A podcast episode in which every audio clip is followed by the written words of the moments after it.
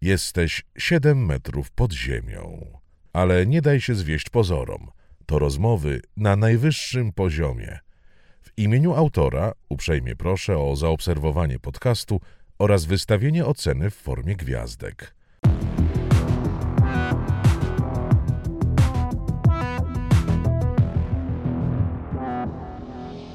Siedem metrów pod ziemią.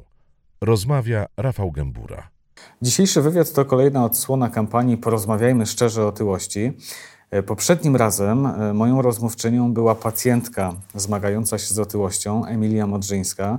E, Ten wywiad znajdziecie w opisie pod tym filmem. Natomiast dzisiaj zupełnie odmienna perspektywa, dlatego że moim gościem jest lekarz, który od 30 lat leczy pacjentów z otyłości, doktor habilitowany nauk medycznych Mariusz Wyleżał, wiceprezes Polskiego Towarzystwa Leczenia Otyłości, e, ale także bardzo interesujący rozmówca, o czym już za chwilę będziecie mieli okazję się przekonać. E, Panie doktorze, chciałbym, żebyśmy zaczęli e, od e, takiego pytania o to, czy ma Pan jakąś ulubioną dietę? Odchudzającą oczywiście. Dla mnie osobiście, czy dla chorych? Dla siebie, dla pacjentów. Jakaś taka dieta cud na odchudzanie. Nie ma. Nie mam, ponieważ nie istnieje coś takiego. No co Pan mówi? Przecież wszyscy o tym doskonale wiemy. Przecież wiemy, że istnieje. Nie, nie, nie.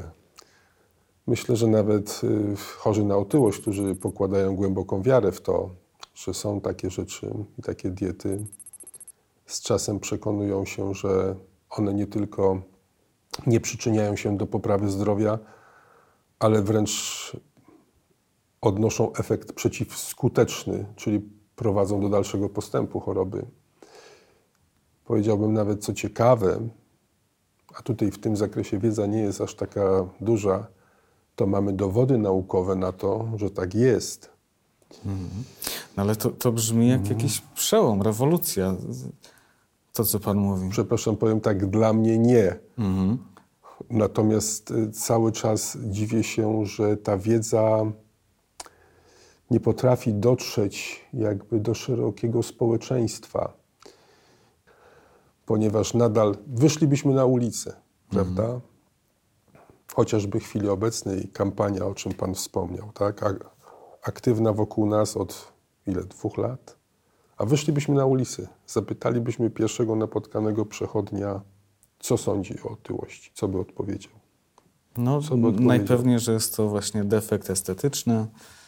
Tak, wina, chore, wina nawet nie chorego, tak, tylko od razu tutaj pojawiłoby się pejoratywne jakieś określenie pod tytułem wina tego grubasa.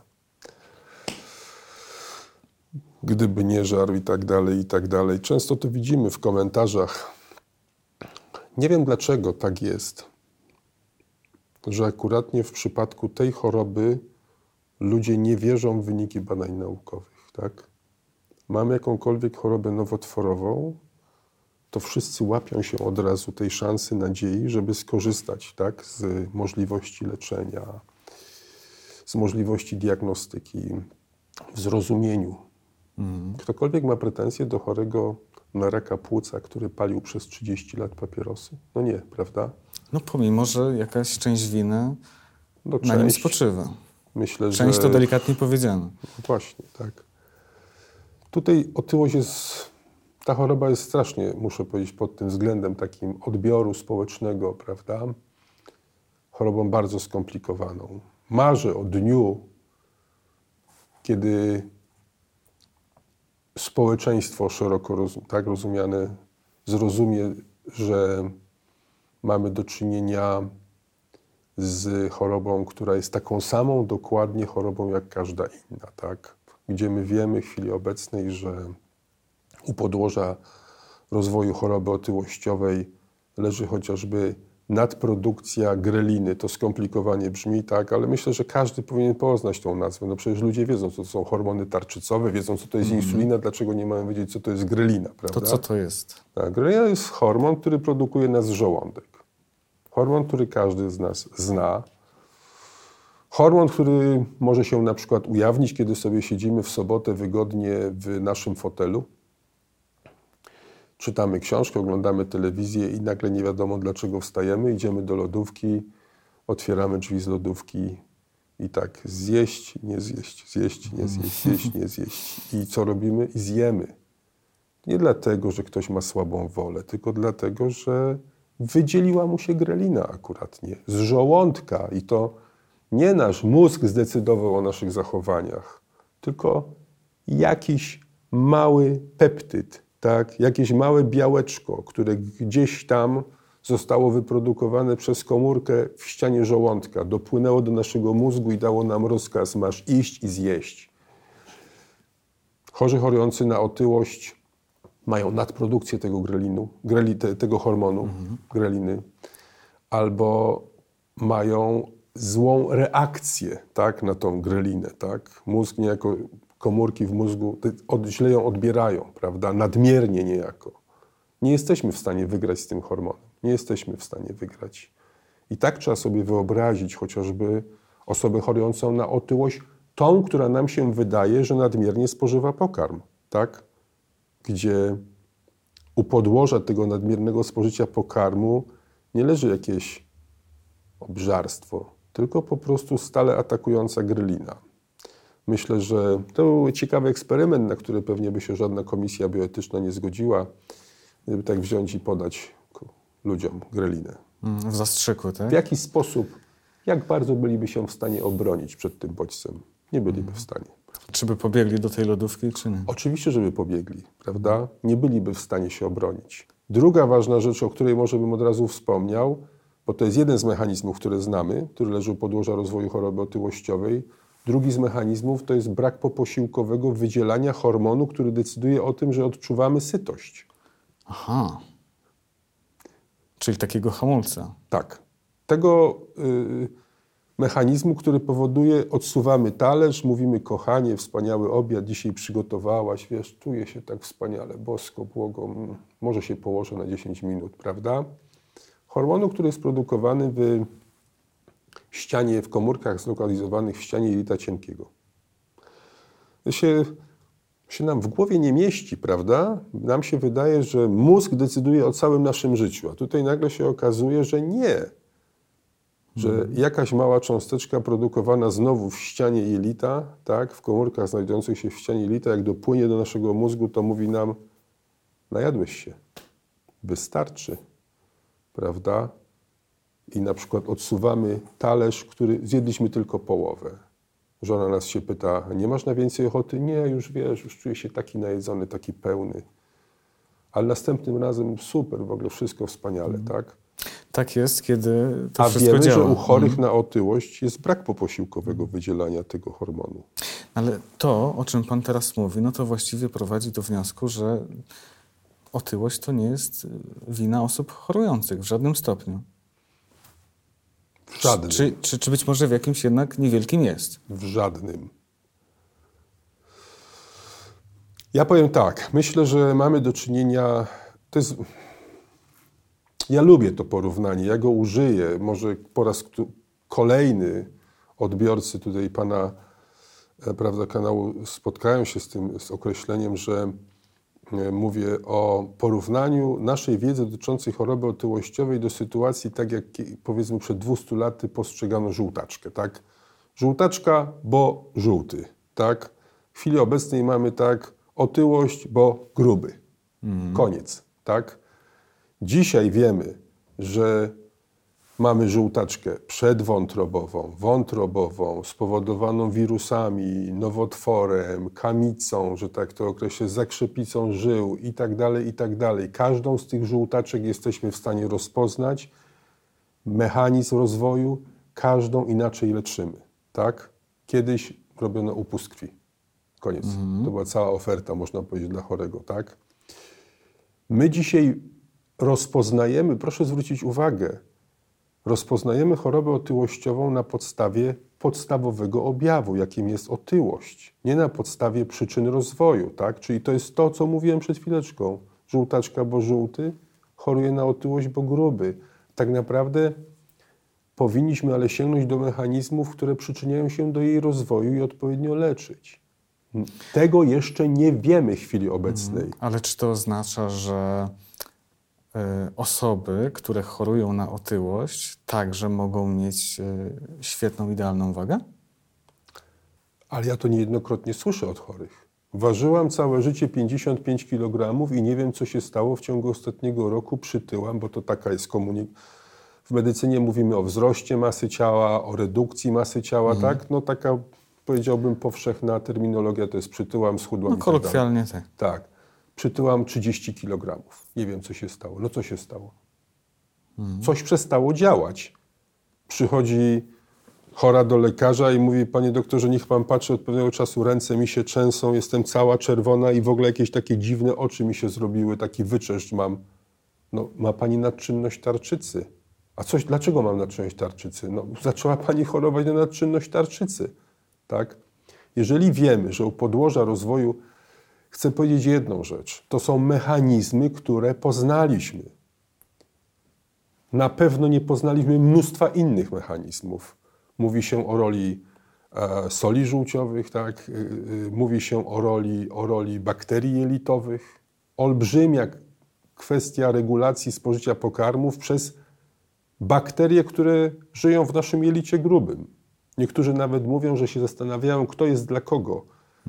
Tak? Czy to te bakterie są dla nas, tak jak my byśmy to chcieli, postrzegali, tak? Czy tak naprawdę my służymy tym bakteriom? Bo, bo i taka jest możliwość. One wydzielają, one są czynne hormonalnie, one produkują dla nas witaminy, prawda? Mówi się o symbiozie, czyli współ, współżyciu.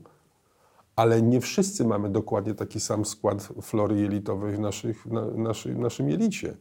I wiemy doskonale, że pewnego rodzaju bakterie przyczyniają się do rozwoju tej choroby, choroby otyłościowej, tak? A dlaczego powiedziałem, dlaczego tak zacząłem mówić o tym, że nie wiemy? Bo nie znajdziemy tego w podręcznikach, nie znajdziemy tego w opracowaniach naukowych, to są moje przemyślenia. Myślę, że się potwierdzą w przyszłości również w badaniach naukowych. Myślę, że możemy mówić o czymś takim jak otyłość pochodzenia, zaraz to wytłumaczę, egzogennego i endogennego. Egzogennego, czyli zewnątrz pochodna, a endogennego, czyli wewnątrz pochodna. Zacznę od tej drugiej. Wewnątrz pochodna to tak jak cukrzyca typu pierwszego, czyli brak produkcji insuliny. Tak? Pewnie wielu odbiorców pana słyszało o tym, że nagle zawieźli dzieciaka do szpitala, bo stracił przytomność w szkole. Okazało się, że ma nieoznaczalny cukier. Dwa tygodnie wcześniej tam miał jakąś niby grypę czy coś takiego. To zakażenie, ta infekcja wirusowa prawdopodobnie doprowadziła do uszkodzenia komórek beta wysepek Langerhansa, czyli tych, których produkują insulinę. Tak? I zaczęła się jedna z najbardziej dramatycznych chorób, jaką, jaka jest cukrzyca typu pierwszego. Trzeba podawać insulinę. Dokładnie o tym samym mówię, jeżeli chodzi o rozwój otyłości. Czyli pewnego pięknego dnia, znaczy nie takiego pięknego, nagle komórki L, czyli te, które produkują GLP-1, coś się z nimi stało. Przestały produkować GLP-1.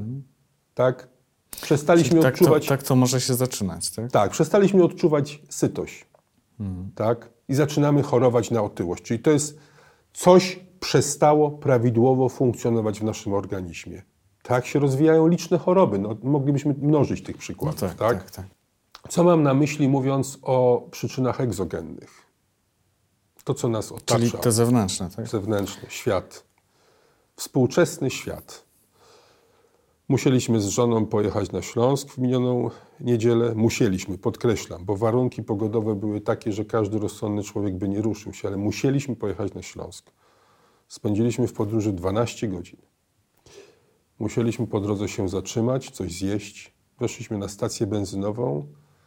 Następnego dnia miałem spotkanie, taką debatę z panem ministrem Niedzielskim i mówię do żony, przygotowujemy się do debaty, szukamy nieprzetworzonej żywności. Na tej stacji, tak? No, niech pan znajdzie nieprzetworzoną żywność. Ja jestem lekarzem, żona jest lekarzem, mamy wiedzę. Żona jest wprawdzie hematologiem, ale w naszym domu nie rozmawia się o hematologii, tylko rozmawia się o otyłości, jeżeli już wątki medyczne jakieś, jeżeli poruszamy, prawda? Siedzimy w tym temacie, siedzimy kilkadziesiąt lat, wiemy co wybrać. czy taki śmiertelnik nieposiadający takiej wiedzy jest w stanie na tej stacji benzynowej wybrać coś, co będzie służyło jego zdrowiu? Nie, myślę, że jesteśmy absolutnie bez szans w tej kwestii. Prawda? Jak mamy szansę z tym walczyć? Jak możemy wymagać od społeczeństwa, które nie jest w ogóle edukowane w tym zakresie dotychczas? Tak? To się zaczyna w chwili obecnej, dotychczas w ogóle nie było edukowane. Tak, no nie jest to yy, Tak. najważniejsza wiedza w szkole. Jak my możemy od dzieci na przykład, których, które niejednokrotnie nie mają e, zapewnionego bezpieczeństwa takiego, tak? Ja, ja, ja niejednokrotnie lanie dostałem od mamy, bo przynosiłem do domu zniszczony tornister. Bo jak wracałem ze szkoły, to ten zniszczony tornister służył jako słupek, e, do, bo graliśmy w piłkę nożną, prawda? Słupek bramki. No wiadomo. Tak? Widzi pan takie obrazki w chwili obecnej? Nie ma takich obrazków. Wiesz, ile razy prawda. spotykam chorych, którzy mówią, no zdrowo się odżywiam, no piję soki owocowe, prawda, ile? Dwa litry, damy 1200 kilokalorii na dzień Tak. dobry. Świadomość na temat żywienia jest, jest mega kiepska. Nie ma takiej edukacji, prawda? I to jest, to jest niestety porażka współczesnego świata. To jest, to jest porażka współczesnego świata, globalna porażka współczesnego świata, bo my tak, tak naprawdę pędzimy taką, powiedziałbym, no, otchłań. Tak? Natomiast no, chciałbym podkreślić jedną rzecz, bo nie chciałbym, żeby z, z tej mojej wypowiedzi wynikało, że chorzy chorujący na otyłość powinni się ogarnąć w tym momencie, tak? Jedną rzeczą jest to, że my jako ludzkość powinniśmy włożyć wysiłek w to, żeby nie, bądź ta, nie, nie być takimi, przepraszam, powiem ostro, baranami idącymi na rzeź, tak?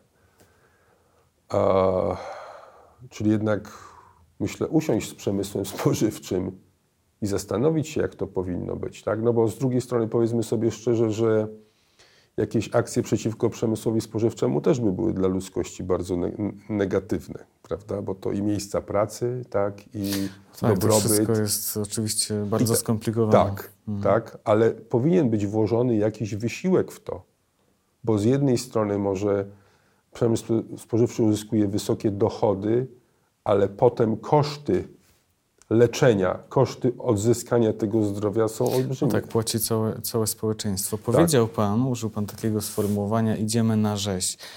E, e, czy ta otyłość to, to, to na pewno jest rzeź? Czy to jest aż tak poważna sprawa? Może pan przesadza? Nie ma zdrowej otyłości. To są mity. Jeżeli w danym momencie nawet wydaje nam się, że nie dotknęła nas żadna choroba będąca powikłaniem otyłości, to ona nadejdzie, a na pewno albo jest nadal nierozpoznana, bo tak często zgłaszają się do nas chorzy, którzy mówią, w zasadzie to nic mi nie jest, tylko jestem za gruba, za gruby.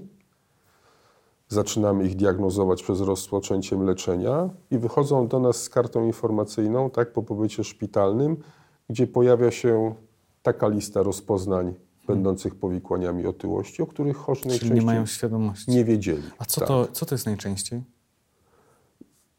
Najczęściej to jest cukrzyca typu drugiego, Mhm. nadciśnienie tętnicze, zaburzenia oddychania w czasie snu, bardzo niebezpieczne, prawda? zmiany zwyrodnieniowe stawów, zespół policystycznych jajników, wiele nieszczęść młodych kobiet chorujących na otyłość, które nie są w stanie zajść w ciążę, Hmm. związane z tym zespołem. Wiele przykładów, że lecząc otyłość kobiety zachodzą w ciążę. Tak? A impotencja u mężczyzn 200, niektórzy mówią 300 różnego rodzaju chorób, włącznie z próchnicą zębów, która częściej występuje również u chorych na otyłość, czyli też może być traktowana jako pewnego rodzaju powikłanie otyłości. Nowotwory, nowotwory, złośliwe now- nowotwory złośliwe. Bardzo znamienne badanie Brytyjczyków przed kilku laty przeprowadzone, gdzie oceniono częstość występowania nowotworów złośliwych wśród kobiet w Wielkiej Brytanii. I wyniki są takie, że na każde tysiąc kobiet, na każde tysiąc Brytyjek w ciągu całego życia jeżeli kobieta, kobiety, te tysiąc kobiet nie choruje na otyłość, to na nowotwór złośliwy zachoruje 109, 100, zachorują 194 kobiety spośród każdego tysiąca. A w grupie Natomiast jeżeli jest to tysiąc kobiet chorujących na otyłość, to jest to liczba 274 kobiet. Czyli 80 kobiet więcej na każdy tysiąc. To przekładając to, oczywiście nie można tak bezpośrednio, ale przekładając to na liczbę, na populację w naszym kraju, liczbę chorych ogólną i liczbę, liczbę ogólną, liczbę chorych na otyłość, to to oznacza pół miliona, 500 tysięcy nowotworów złośliwych dodatkowych. To, jest, to, to, to jest nieszczęście ludzkie, ale to są koszty, Tak. bo koszty leczenia onkologicznego są gigantyczne, prawda? A jak właśnie wygląda to leczenie dzisiaj? Nie, nie onkologiczne, tylko leczenie e, otyłości. E, Pan tym się zajmuje 30 lat, no to jest kupa czasu. Czy, czy tutaj coś się znacząco zmieniło na przestrzeni tych lat? Czy, czy jest Wszystko. ciągle tak samo? Wszystko? Wszystko. Ja jestem chirurgiem, tak? A można powiedzieć, że te 30 lat zajmuję się leczeniem otyłości dzięki temu, że zacząłem pracować w klinice, w klinice chirurgii w Zabrzu, która była na przełomie lat 80. i 90. w zasadzie jedynym ośrodkiem, gdzie w sposób regularny poddawaliśmy leczeniu chirurgicznemu chorych na otyłość. To moje zetknięcie z chorymi na otyłość miało po raz pierwszy miejsce w czerwcu 1990 roku, gdzie w Zabrzu istniała wówczas poradnia chirurgicznego leczenia otyłości. Te, teraz nie znajdzie pan takich placówek w Polsce, albo bardzo niewiele, a ponad 30 lat temu coś takiego istniało w Zabrzu. Leczyliśmy chorych z całej Polski, ale jak to leczenie wyglądało? Teraz wszyscy chorzy wiedzą, że jest laparoskopia najczęściej nazywana przez chorych, że metoda laserowa, tak? Chodzi o małe dziurki i zrobienie wszystkiego w brzuchu przez te małe dziurki, tak? Tam się coś tam wkłada, tak? Przez no, te dziurki? Tak, no my y, te 30 lat temu to było olbrzymie cięcie. Mhm. Bo mówi Pan w tej chwili o operacji resekcji żołądka, tak? To też były inne metody. Aha. To Ale- było ominięcie części jelita cienkiego, prawda? To też ewoluowało wszystko, tak? A wówczas tak robiliśmy olbrzymie... Ja może... Po, po, proszę, ja bym... Spro... Bo to ważne jest jakby w mojej ewolucji i w całej ewolucji jakby tego, co się wokół otyłości wydarzyło, tak? Ja do tej poradni zostałem tak trochę wysłany za karę przez swojego szefa ówczesnego, bo jako młody asystent stażysta za często się odzywałem. I nie byłem szczęśliwy. Zostałem wysłany do tej poradni. Popracowałem w klinice, a oprócz tego do tej poradni, prawda, tam raz czy dwa razy w tygodniu. Taki delikatny mobbing, prawda. Powiem to, muszę, to, to tak było. Jak trzeba być głupim, żeby dać się pokroić zamiast nie jeść. Takie były moje myśli wewnętrzne dotyczące tych chorych, którzy się tam zgłaszali. Tak? Takie cięcie, ropiejące rany, przepukliny, miesiąc w szpitalu, prawda? Niemożność ruszenia się przez wiele dni po operacji. Zgony na poziomie 2%. Statystyka była taka, co 50 chory po operacji umierał wówczas. Czyli to była ryzykowna operacja. Ha, no gigantyczne. Myślę, że dzisiaj nikt by Co 50 osoba. nie zgodził się na coś takiego, prawda? A i muszę powiedzieć, że ja bardzo szybko, pomimo tego, że w tamtych czasach nie było wyników badań naukowych, zrozumiałem i dojrzałem do tego, że to jest no, dla tych chorych, są tak zdeterminowani i tak bezradni w obliczu tej choroby, że to jest dla nich jedyna szansa. Żeby nawet zdecydować się te 30 lat temu na tak ryzykowną, niebezpieczną, obciążającą operację. Jedyna szansa, bo gdyby nie to, to co? To wszyscy chorzy mówili potem, że to dawno by już nie żyli, prawda? Dawno był to, jedno wielkie nieszczęście, proszę mi wierzyć, tak? A, także z wielką radością ja potem po latach przyjmowałem te wszystkie wyniki badań naukowych, które potwierdzały to, że to nie jest kwestia wyboru choroba otyłościowa, to nie jest kwestia tego, że ktoś decyduje o tym, czy je, czy nie je, tylko po prostu zaczynają źle działać nasze hormony. Teraz co się zmieniło? 98 rok wprowadziliśmy laparoskopię. Muszę powiedzieć z dumą, że jestem pierwszym chirurgiem w Polsce, który zaczął chorych operować laparoskopowo. Czyli przez te małe dziurki. Mhm. To jak to się odbywa? jakby mógł Pan opisać? To ciekawe jest. Najpierw tak, najpierw wbijamy igłę do brzucha, napompowujemy brzuch dwutlenkiem węgla, Żeby urósł? żeby stworzyć przestrzeń do operacji roboczą. Okej. Bo tak, bo to wszystko jest tak sklejone, tak? Musimy mieć to przestrzeń. By więcej miejsca tam było na Tak. przyrządy. Następnie wkładamy takie rurki o średnicy 5-10 mm przez małe cięcia, 3, 4, 5 w zależności od potrzeb, czasami 6, tak? Przez jedną z tych rurek wkładamy kamerę, dzięki czemu widzimy wszystko to, co się dzieje w brzuchu, a przez pozostałe odpowiednie narzędzia, którymi łapiemy tkanki, przecinamy, szyjemy. Są również odpowiednie takie narzędzia, które zwane staplerami. No stapler to w języku angielskim zszywa, czyli każdy z nas wie, co to jest. To dokładnie takiego samego, tylko bardziej zaawansowane, bardziej skomplikowane, ze zszywkami tytanowymi, a nie stalowymi, prawda? Dzięki czemu możemy przeciąć tkanki i od razu ją zeszyć. A A mamy... co, a co się dzieje z tym? No bo rozumiem, że podczas takiej operacji wycina się część żołądka. Czasem to nie jest część, to jest większość żołądka. 80% tak się I, ocenia. I jak to się wyciąga później? Mam taki, No bo żołądek mam nie jest taki taki mały. ulubiony żart. No. E, Jak studenci przychodzą na zajęcia i dokładnie to samo pytanie zadają, są na sali operacyjnej, mówię, nie, nie, nie, mówię, zostawiamy to w brzuchu, bo to zanika z czasem i w ogóle, i w ogóle, co ciekawe, muszę powiedzieć, tylko raz się zdarzyło przez wiele lat, jak ten żart mówię, że jeden ze studentów mówi, bzdury pan opowiada, bo reszta była prawie skłonna w to uwierzyć. no bo wszyscy są przejęci. No. Tak, to prawda, to też może tak być.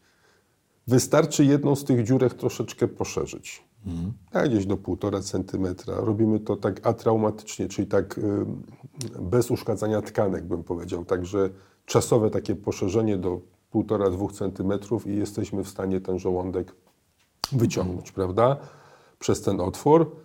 Potem go wypełniamy wodą, tą część wyciągniętą żołądka i mierzymy między innymi objętość tej części wyciągniętej i sprawdzamy, czy on jest szczelny, że tak to określę, no bo jak jest szczelny po tej stronie, to też mamy jakby nadzieję, że jest szczelny po drugiej. Oprócz tego szczelność tamtej części też sprawdzamy, prawda? Ale to jakby nas utwierdza w tym przekonaniu.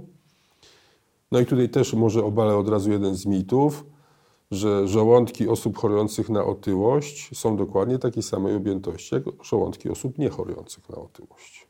Poważnie? Chorzy na otyłość nie mają wcale większych żołądków. To wiadomo z badań przeprowadzonych w latach 90. No i z Pana obserwacji. A to też. A, ale podpieram się badaniami. Natomiast podobnie jak i chorzy na otyłość nie mają dłuższych jelit, że niby gdzieś tam się miało coś by więcej wchłonąć, tak? W związku z czym chirurdzy bariatrzy, jak zmniejszają objętość żołądka, to nie traktują tego żołądka jako worka, przepraszam, na kartofle, tak? tylko jako narząd wydzielania wewnętrznego. Tak jak przy nadczynności tarczycy kiedyś usuwano tarczycę, żeby usunąć źródło produkcji hormonów tarczycowych i doprowadzić do prawidłowej funkcji tarczycy, tak my usuwamy tą część żołądka, gdzie jest produkowana grelina. Aha, czyli to o to chodzi w tym zabiegu, bo można by myśleć, że po to się wycina kawałek tego żołądka, żeby było mniej miejsca na jedzenie. Nie, to jest kompletna bzdura. A to nie po to się tak robi. Mhm. to powiem, bo tak, operacja zmniejszenia żołądka to jest kompletna bzdura. To nie, to nie o to chodzi. My usuwamy tą część żołądka, traktując ten żołądek jako narząd wydzielania wewnętrznego, czyli wpływamy na regulację hormonalną spożycia pokarmów. Tak? Okej. A to jest niebywała historia. To jest absolutnie niebywała historia, ponieważ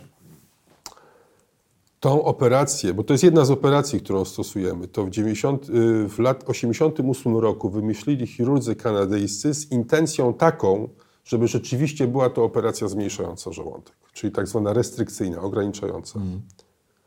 Co się stało potem? w roku 2000 odkryto grelinę. Okazało się, że ta grelina jest produkowana w tej części żołądka, która jest usuwana. W roku 2005 opublikowano pierwsze wyniki badań naukowych, które wskazywały, że ta operacja zmniejsza stężenie greliny. Można powiedzieć, że niejako Niechcący. od tyłu tak. doszliśmy, ale tak jest w nauce często, prawda? Od tyłu doszliśmy do tego, ale jest to Niebywały przełom. To jest też a propos tego, co Pan pytał, co się zmieniło. Kiedyś rzeczywiście nam się wydawało, nazywaliśmy, znalazłby Pan moje publikacje naukowe, gdzie ja piszę o operacjach restrykcyjnych, czyli ograniczających spożycie pokarmu, wyłączających, czyli ograniczających trawienie. A to nie o to chodziło. To już wszystko od 10-15 lat to między bajki należy włożyć. To już nie jest to. To jest w chwili obecnej nawet nie chirurgia bariatryczna, czyli nie chirurgia służąca leczeniu, tylko mówimy o chirurgii metabolicznej, czyli taką, która ingeruje w nasz metabolizm, tak, ingeruje w naszą, powiedziałbym, mechanizmy regulacji spożycia pokarmów, tak? To, to jest sedno sprawy. Bardzo ciekawe. A czy dzisiaj te operacje, one są bezpieczniejsze niż w tych latach 80., szczęście, 90.? No bo wtedy mówił pan, że 2% y, No tak, ale jak, zgonów. dlaczego wprowadziliśmy laparoskopię? Bo czuliśmy, że to będzie przełom, tak? Powiem tylko tyle. W 1998 roku, kiedy zaczynaliśmy operacje laparoskopowe, byliśmy jednym z pierwszych ośrodków w Europie też, to otyłość była przeciwwskazaniem do laparoskopii. Gdyby wziąć książkę w tamtych latach, tak, w 1998 roku poświęconą chirurgii laparoskopowej, to jednym z przeciwwskazań do tej chirurgii była właśnie otyłość. Czyli można powiedzieć, robiliśmy coś, co było przeciwwskazane, a co po latach okazało się, że leży u podłoża sukcesu chirurgii bariatrycznej poprzez zmniejszenie ryzyka zgonów, poprzez zmniejszenie ryzyka. W chwili obecnej to ryzyko jest szacowane na jeden promil, czyli jeden chory na tysiąc, tak? czyli to jest ile? No, kilkudziesięciokrotny Tak. spadek. Tak? Zmniejszenie ryzyka wystąpienia powikłań, skrócenie czasu hospitalizacji. Kiedyś chorzy leżeli 8 dni, 10 dni. W chwili obecnej w wielu ośrodkach to jest mniej niż 24 godziny. Przyjście, operacja, wyjście do domu, tak? Yy, szybszy powrót do pracy. No, wszyscy myślę już znają dzisiaj kwestie technik laparoskopowych, także tu jest gigantyczny, muszę powiedzieć, postęp się dokonał, ale jeżeli mam być szczery, Wyłącznie. to postęp y, w leczeniu otyłości leży zupełnie gdzie indziej. I to wcale tego nie mówię jako chirurg, y, znaczy jako chirurg bariatra, pewnie moi koledzy chirurdzy nawet mnie troszeczkę tutaj za zdrajcę mogą odbierać, jak opowiadam o tym. Czyli pewnie chce pan powiedzieć o farmakologii. Tak, to jest, ja mówię, że to jest game changer sytuacji, zupełny, prawda? To o co chodzi? Na Bo- czym ta zmiana polega? Nareszcie złapano patent na leki przeciwotyłościowe. Nie siedzący w głowie, że tak to określę. Nie poszukiwania gdzieś jakichś przypadkowych związków, które mają wpłynąć na naszą głowę, jak my się mamy zachowywać. Tylko właśnie te hormony jelitowe, o których wspomniałem, tak? Czyli hormony, mówimy o nich o hormonach inkretynowych, GLP-1, GIP, glukagon, amylina, po prostu hormony produkowane w jelitach, które jak dopłyną do naszego mózgu decydują o tym, co zjemy. To jest przełom. Złapano ten patent i w chwili obecnej a, już dysponujemy lekami, które są wysoce skuteczne. Nadchodzą leki, które będą jeszcze bardziej skuteczne, a potem będą jeszcze bardziej skuteczne, aż chirurgia bariatryczna zniknie. Niesamowite. Tak jak A to- zniknęła chirurgia choroby wrzodowej żołądka. Pan jest młodym człowiekiem. Myślę, że nie słyszał Pan o tym, że kogoś operowano z powodu wrzodów. Jak ja zaczynałem pracę przed 30 laty, to była najczęstsza operacja żołądka, to była operacja z powodu wrzodów. W chwili obecnej tylko operujemy powikłania, czyli jak komuś, jak to się mówi, pęknie wrzód albo krwawi, tak? I też y, jak pęknie, no to raczej zawsze, tak? Albo zawsze. Jak krwawi, to też nie, bo mamy skuteczne leki, mamy endoskopię, tak? którą możemy te krwawienie zatrzymać. Kiedyś mieliśmy tylko operacje i to operacje planowe się robiło, tak? W celu leczenia choroby wrzodowej do czasu, kiedy nagle się nie okazało, że choroba wrzodowa to jest choroba pochodząca od bakterii. W chwili obecnej podajemy antybiotyki i leczymy większość przypadków choroby wrzodowej lekami. Tak samo będzie w otyłości, tak? Niewątpliwie to nie jeszcze dzisiaj, nie jutro, ale przełom Ale, się ale doko- dobrze. ale przełom się dokonuje na naszych oczach. I najważniejsza jest rzecz, myślę, taka, że żeby. Mm, to jest, myślę, ważny wątek, bo ja obserwuję takie, powiedziałbym, narracje, że lekarze, którzy mm, leczą metodami zachowawczymi. Interniści, diabetolodzy, endokrynolodzy. Mówią, po co nam chirurgia? My teraz sobie ze wszystkimi tutaj poradzimy, mamy świetne leki, tak? Chirurdzy się usztywniają, mówią, co wy tam wiecie, jakie tam macie badania dwuletnie, my mamy badania, które mają 20 lat, prawda? One pokazują, że to, jak będziecie mieli 20-letnie badanie, to możemy To to pogadamy. dyskutować, tak? Cały problem polega na tym, żeby zrozumieć, że powinniśmy iść śladem onkologii. Tą samą ścieżką, tak? Ja pamiętam to, kiedy y, pojawiły się skuteczne chemioterapeutyki, kiedy pojawiły, pojawiła się możliwość radioterapii, podczas kiedy chirurgia była tylko jakby jedynym tak, narzędziem leczenia, metodą leczenia i też zaczęły się takie narracje, tak? Po co będzie operować, my wszystkich naświetlimy, tak? W chwili obecnej wiemy, że trzeba korzystać ze wszystkich tych metod, tak? Jak mamy y, jakąś zaawansowaną chorobę nowotworową, to najpierw podać chemioterapię, potem zoperować, potem naświetlić, że to jest najskuteczniejsze. Mamy zespoły terapeutyczne, tak? Gdzie wspólnie chirurg, radioterapeuta, chemioterapeuta, onkolodzy, tak szeroko mówiąc, tak? Siadają i proponują choremu jakby najlepszą ścieżkę terapeutyczną, najbardziej efektywną, najmniej obciążoną. To samo moim zdaniem powinno się w chwili obecnej dziać w leczeniu choroby otyłościowej, tak? gdzie mm, powinny być zespoły interdyscyplinarne, gdzie powinni być lekarze, chirurg, internista, obesitolog. Tak? Jednym z warunków bezpieczeństwa przeprowadzenia operacji bariatrycznej jest przedoperacyjna redukcja masy ciała. Wiemy, że przedoperacyjna redukcja masy ciała zmniejsza prawdopodobieństwo wystąpienia powikłań o połowę. I teraz tak. Czyli pacjent musi się zmobilizować, tak? No właśnie, dotychczas mówiliśmy mu, o, schudnij. Biegaj, o, biegaj. Czarowali go, tak? No Jak biegaj, to sobie kolana zniszczy. No, No nie tak, może to biegać, już jest tak? poważna e, tak? otyłość. Jedz mniej i tak dalej, no ogarnij się, postaraj. Teraz w sytuacjach, kiedy chory mówi, nie dam rady, no nieraz mamy nareszcie narzędzie, tak? Możemy choremu przepisać lek, przygotować go do operacji. Aha, i w ten sposób go przygotować do Tak, operacji. żeby- tak. Z drugiej strony na przykład mamy sytuacje takie, że u części chorych, kiedy wdrażamy ten lek, redukcja masy ciała jest tak dobra, że w zasadzie się zaczynamy pytać samych siebie, no chwila, czy ta operacja jest naprawdę potrzebna? A to on jest aż tak skuteczny? To starożytni Polacy mówią, it depends, tak? To zależy. Czyli No jasne. nie znamy odpowiedzi chorych, dopóki nie zaczniemy stosować leku. Są nawet chorzy, którzy potrafią zredukować masę ciała o 25-30%. Tak? To jest ba- bardzo wysoka efektywność. Są tacy, którzy zredukują 5%, ale dopóki się nie włączy tego leku, To się nie przekona. w ogóle leku, leczenia, to, to się pan nie dowie. W związku z czym a, e, trzeba, tak moim zdaniem, naprawdę przesunąć ciężar decyzyjny na kwestie bezpieczeństwa. I tu nie ulega wątpliwości, że znacznie bezpieczniejsze jest zastosowanie leku, aniżeli wybranie chirurgii jako leczenia pierwszoplanowego, pierwszo, pierwszoetapowego. Tak? W związku z czym moim zdaniem leczenie choroby otyłościowej powinniśmy zawsze zaczynać od leku. Oceniać jego skuteczność. Jeżeli lek jest skuteczny, no to odpowiedź mamy, jak postępować w przyszłości, tak, że powinniśmy kontynuować to leczenie. To jest leczenie przewlekłe, o tym warto powiedzieć. A jeżeli nie mamy odpowiedzi, no to powinniśmy kwalifikować chorego do operacji. To jest proste. Tak? Jest tylko taki mały smaczek. Jeszcze jeden, który musimy, to troszeczkę będzie polityczne, ale, ale mamy problem taki, że wielu chorych nie stać na te leki.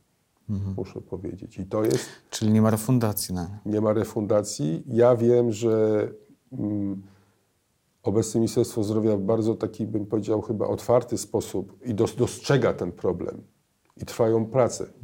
W ogóle bardzo dużo się wydarzyło, jeżeli chodzi o leczenie otyłości w ostatnich, muszę powiedzieć, latach dobrych rzeczy.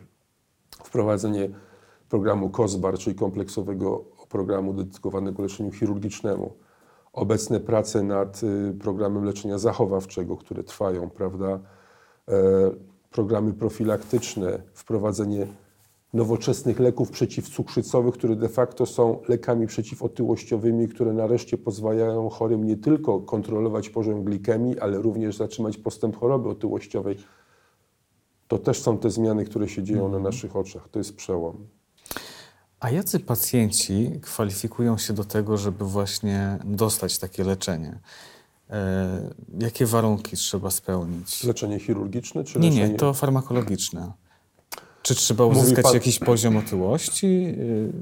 Tak, znaczy się jest to kwestia zaawansowania, prawda, choroby otyłościowej. My y, y, przy kwalifikacji opieramy się na wskaźniku masy ciała, BMI. BMI. No nie będę tłumaczył, każdy znajdzie w Są internecie kalkulatory, kalkulator. można policzyć. Jest tego mnóstwo, tak. O otyłości mówimy, kiedy wartość BMI przekracza 30 jednostek. I to jest kwestia rozpoznania. Przychodzi pan do lekarza, prawidłowe ciśnienie ma być 120 na 80, lekarz mierzy panu ciśnienie, wychodzi 130 na 90, rozpoznaje panu nadciśnienie. Tak? Przychodzi pan do lekarza, ocenia panu lekarz wskaźnik masy ciała, wychodzi mu 31, rozpoznaje panu otyłość, prawda? Nie. Nie. Nie, bo chorzy nie są mierzeni, nie są ważeni. Jest w czasie tej debaty z panem ministrem Niedzielskim poruszone to było, że y, między innymi Ministerstwo Fundusz wprowadził zasadę, żeby przynajmniej raz do roku chorzy byli ważeni i mierzeni. I to się nie dzieje. Taka banalna rzecz, prawda? No najprostsza z możliwych. No, nie ma prostszego narzędzia diagnostycznego, tak, niż waga lekarska i wysokościomierz czy wzrostomierz, nie wiem jak tam fachowo to się powinno nazywać, tak? Nie ma prostszych narzędzi, tańszych narzędzi, a to się nie dzieje. Powiedzmy sobie szczerze, nawet w dużym przybliżeniu, nawet moglibyśmy się oprzeć na deklaracji chorego.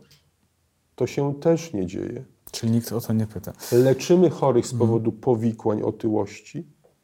Do nas trafiają, do naszego centrum trafiają chorzy, którzy mają po 10, 15, 20 leków. Nie są ważeni niejednokrotnie, nie są mierzeni. Otyłość jest spychana zupełnie na margines. Czyli lekarze nie zastanawiają się nad przyczyną, tylko zaleczają te Znaczy się, to powikłania, jest, tak? to jest, to jest. Ja troszeczkę tutaj albo mocno bym tłumaczył moje koleżanki i kolegów, ponieważ, no proszę popatrzeć na to tak. Ja jest, mogę być mądry, bo generalnie rzecz biorąc, do mnie chory przychodził kiedyś, 10 lat temu, wyobraźmy sobie sytuację. Ja miałem dla niego konkretną ofertę: zoperuję pana, będę pana leczył. Co za, mógł zaoferować lekarz, który nie był chirurgiem bariatrą? Nic. Mógł zaczarowywać chorego, mógł mu wmawiać, jedz mniej, ruszaj, co wiemy, że nie działa, jest przeciwskuteczne niejednokrotnie, tak? W związku z czym lekarze się poddali, prawda? No nie miał pan nic do zaoferowania, no to pan w ogóle na ten te- grunt nie wchodził. No bo jak pan wszedł, to lekarz, to od razu pacjent się zapytał, no to co mam zrobić? No niech pan założy łańcuch na lodówkę. No to od razu dyskryminacja, tak? Można powiedzieć. W związku z czym lepiej było omijać Okej. prawda? Teraz to się bardzo intensywnie zmienia. Dzięki To ciekawe czasy. możliwościom terapeutycznym. Też znowu tak jakby coś wydarzyło się od tyłu, tak? Pojawiły się możliwości terapeutyczne, choroba zaczęła być dostrzegana, bo mamy ofertę dla chorego. Mamy możliwość zaproponowania rozwiązania, tak? A co na to, co na tę zmianę pacjenci, którzy przychodzą do Pana z otyłością i Pan tutaj nagle mówi, że jest leczenie, że mamy już leki, czy oni Rok temu... podchodzą sceptycznie, przewracają oczami, czy, czy się cieszą? Znaczy, jeżeli chorzy już przychodzą do nas, do mnie, no przychodzą do chirurga, tak? Przychodzą po ból, cierpienie, Okej, czyli są przygotowani na ostateczność. no zdeterminowani przede wszystkim, prawda? Yy, mocno. To jest taka sytuacja, że yy, rok temu dziewięciu chorych na dziesięciu w ogóle nie miało świadomości, że są leki przeciwotyłościowe, czyli leki służące leczeniu otyłości. Czyli kiedy przychodzili do nas i mówili, to mówili tylko o operacji, tak? My dopiero tłumaczyliśmy chorym, że może zaczniemy od leku, może spróbujemy leku i tak dalej, i tak dalej.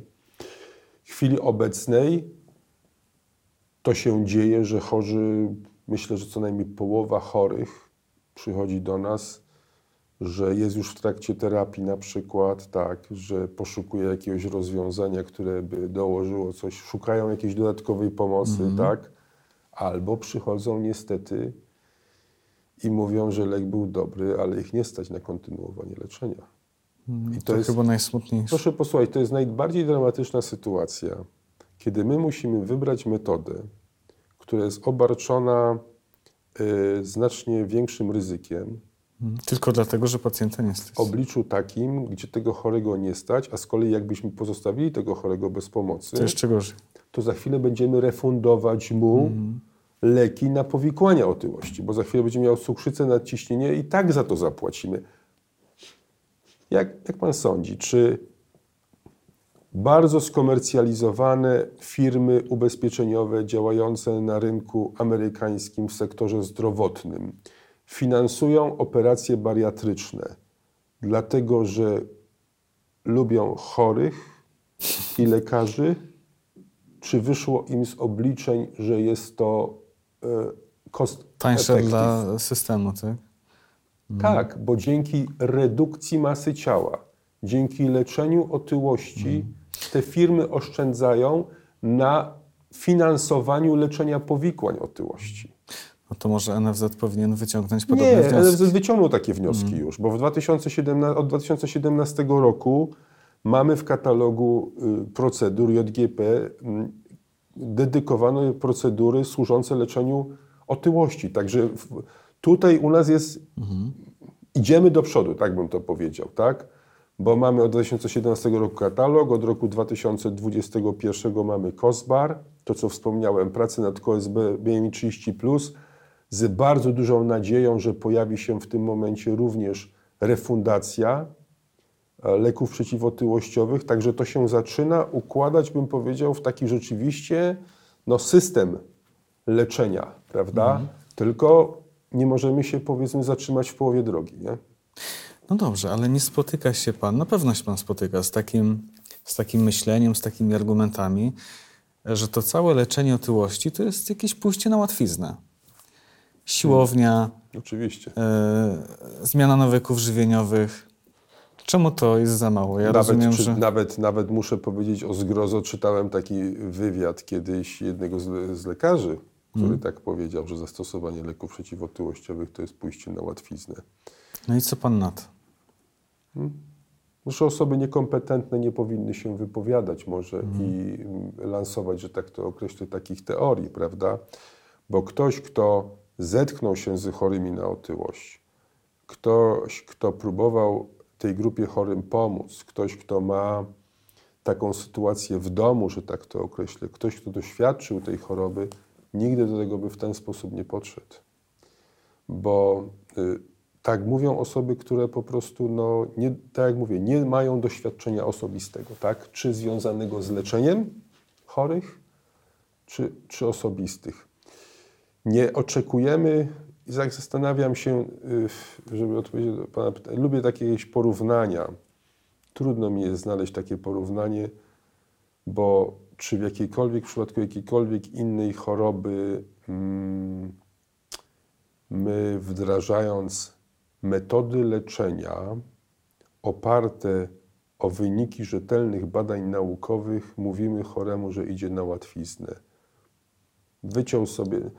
Ach, Ciężko analogię. Dała sobie obciąć tą pierś, yy, bo poszła na łatwiznę bo mogła w sumie z tym rakiem piersi jeszcze trochę pochodzić. No, nie wiem, to nie jest dobre porównanie, ale mm. generalnie rzecz biorąc, no, powinniśmy w zasadzie no, do, do każdej takiego elementu. Znaczy, no... nie, poza tym tak, mamy dowody naukowe na to, że jakiekolwiek wysiłki nie przynoszą żadnego efektu.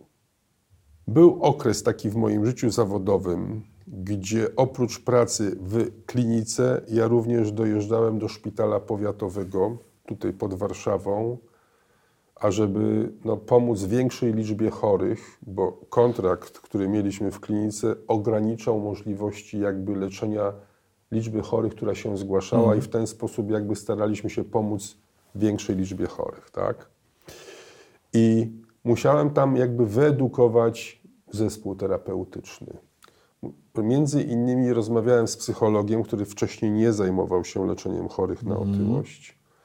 Mówię, to, to jest historia gdzieś 2013 rok. I rozmawiam z tym kolegą, mówię, panie magistrze, to jest tak, że do leczenia chirurgicznego otyłości kwalifikujemy tych chorych, u których czasowe leczenie zachowawcze było nietrwałe bądź nieskuteczne bądź nietrwałe. W tamtych latach nie dysponowaliśmy farmakoterapią przeciwotyłościową, mhm. czyli leczenie pod pojęciem leczenia zachowawczego rozumieliśmy jedz mniej, ruszaj się więcej, tak? Dieta i ruch, tak? No tak. Czyli kwalifikujemy tych, u których leczenie zachowawcze jest nieskuteczne bądź nietrwałe. Minął może miesiąc, półtora, nie wiem, dwa. Pan magister do mnie przyszedł i mówi, wie pan, ale pan mi mówił, że kwalifikujemy tych, u których leczenie zachowawcze jest nieskuteczne bądź nietrwałe, ale jak ja z tymi chorymi rozmawiam, to u tych wszystkich chorych to, co oni robili dotychczas, to jest przeciwskuteczne. Hmm. Ja muszę powiedzieć, że ja się nie spotkałem z tym słowem, to po raz pierwszy przeciwskuteczne. Mówię, co pan ma na myśli, tak? On mówi, no jakiekolwiek by oni wysiłki, to jest, no, nie podejmowali, to zawsze kończy się to dalszym wzrostem masy ciała.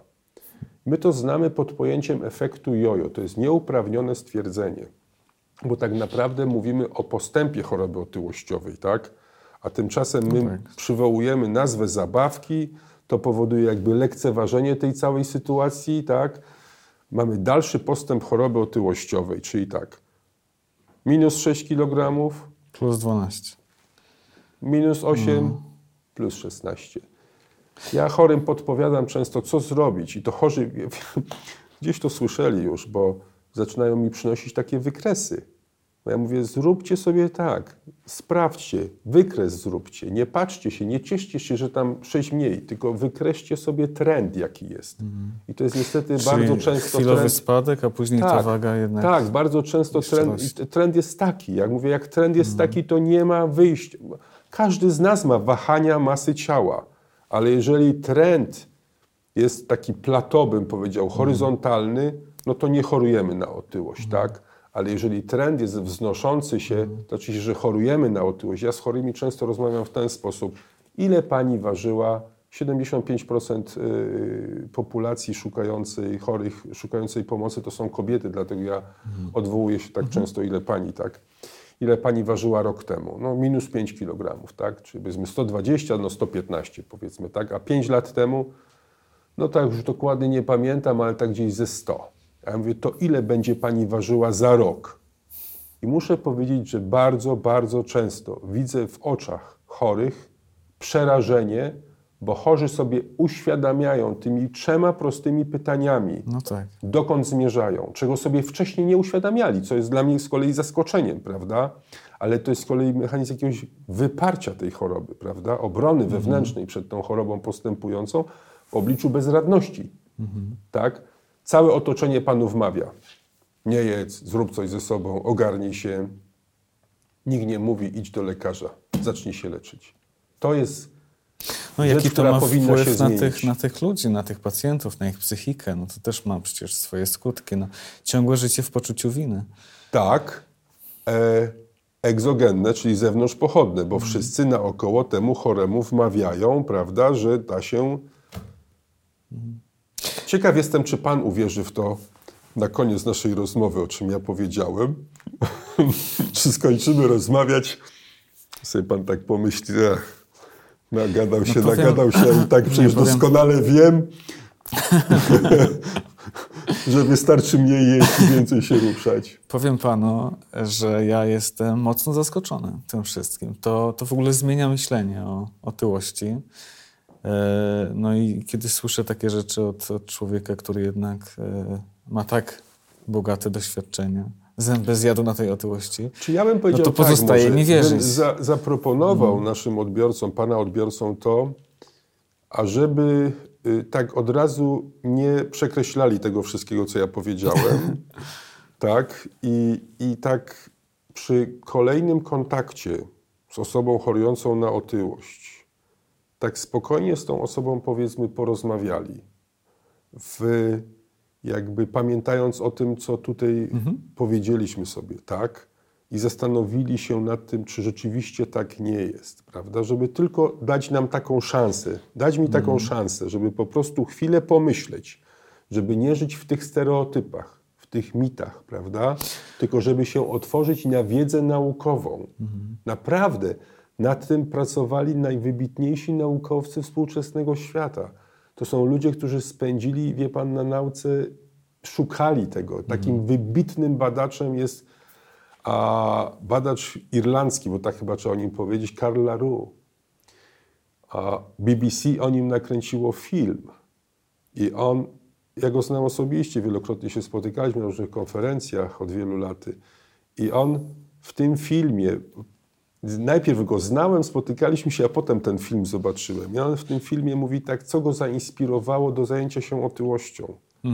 To, że on zaczął chyba y, trenować jako młodzieniec, nie wiem, czy tam się nazywa mio- miotanie kulą, tak? Rzut dyskiem, no coś z tych siłowych takich sportów. I trener mu mówił, musisz przytyć, masz za małą masę. I on się zaczął zastanawiać, jak to jest, że on nie potrafi przytyć. Tak? Stara się tego i nie potrafi przytyć. A to znam takie osoby. A z drugiej strony, i to, to, to dało mu jakąś taką refleksję, no są osoby, które próbują schudnąć i nie potrafią schudnąć. I to była geneza jego Że zainteresowań. nie zawsze wszystko zależy od nas. Tak? Tak, to, to, to, było, to była geneza jego zainteresowań się chorobą otyłościową i on dał podwaliny tak naprawdę współczesnej wiedzy dotyczącej otyłości. Te, te, te rzeczy, które cytowałem, o których mówiłem, to są w dużym stopniu wyniki jego badań. Zupełnie można powiedzieć odkrywcze, wyniki, na których obecnie firmy farmaceutyczne budują swoje leki. Tak? to chiru- powiem w ten sposób, to chirurgia bariatryczna dała podstawy nowoczesnej farmakoterapii e, otyłości. Bo to są te leki, na które chirurdzy, znaczy to są te cząsteczki, na które chirurdzy jako pierwsi zwrócili uwagę. Jest nie, będziemy długo rozmawiać. Jest niesamowite badanie przeprowadzone w latach 70. przez Atkinsona na zwierzętach, które poddane było, jedno zwierzę było poddane operacji bariatrycznej, drugie nie, tak? I Atkinson pobierał surowicę, pobierał krew od zwierzęcia poddanego operacji bariatrycznej i podawał surowicę, czyli to, tak, mówić tą, tak, tą krew zwierzęciu, które nie było poddane operacji bariatrycznej i to zwierzę zaczynało chudnąć. I to była pierwsze naprowadzenie, że coś w tej krwi po tej operacji bariatrycznej się zmienia, inaczej zaczyna działać, co powoduje zmianę w spożyciu. To zwierzę zaczęło jeść mniej pokarmu. Nikt mu nie wmawiał temu zwierzęciu, tak? Ogarnij się, jest mniej, No tak. prawda? Nie pij piwa i tak dalej, nie, nie jest chipsów. To po prostu miał ad libido, to się mówi, czyli mógł pokarmu spożywać do woli, a zaczął jeść mniej. Zaczął chudnąć. Także jest cała ścieżka, można powiedzieć, która doprowadziła do współczesnej sytuacji. Muszę powiedzieć może tak, że nie wierzyłem w to, że to się może dokonać na moich oczach. A się dokonuje. Muszę powiedzieć z tego powodu jestem bardzo szczęśliwy. Jeszcze kilka lat temu prowadziłem taką rozmowę z panią profesor Ostrowską.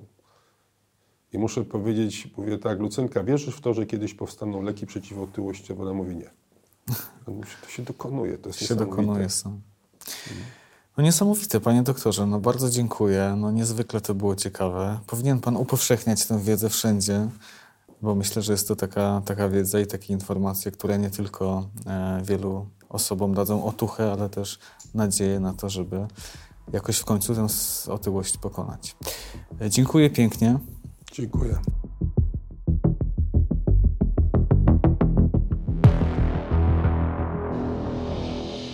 W imieniu autora dziękuję Państwu za uwagę. Zachęcam również do zaobserwowania podcastu oraz wystawienia oceny w formie gwiazdek. Do usłyszenia kolejnym razem.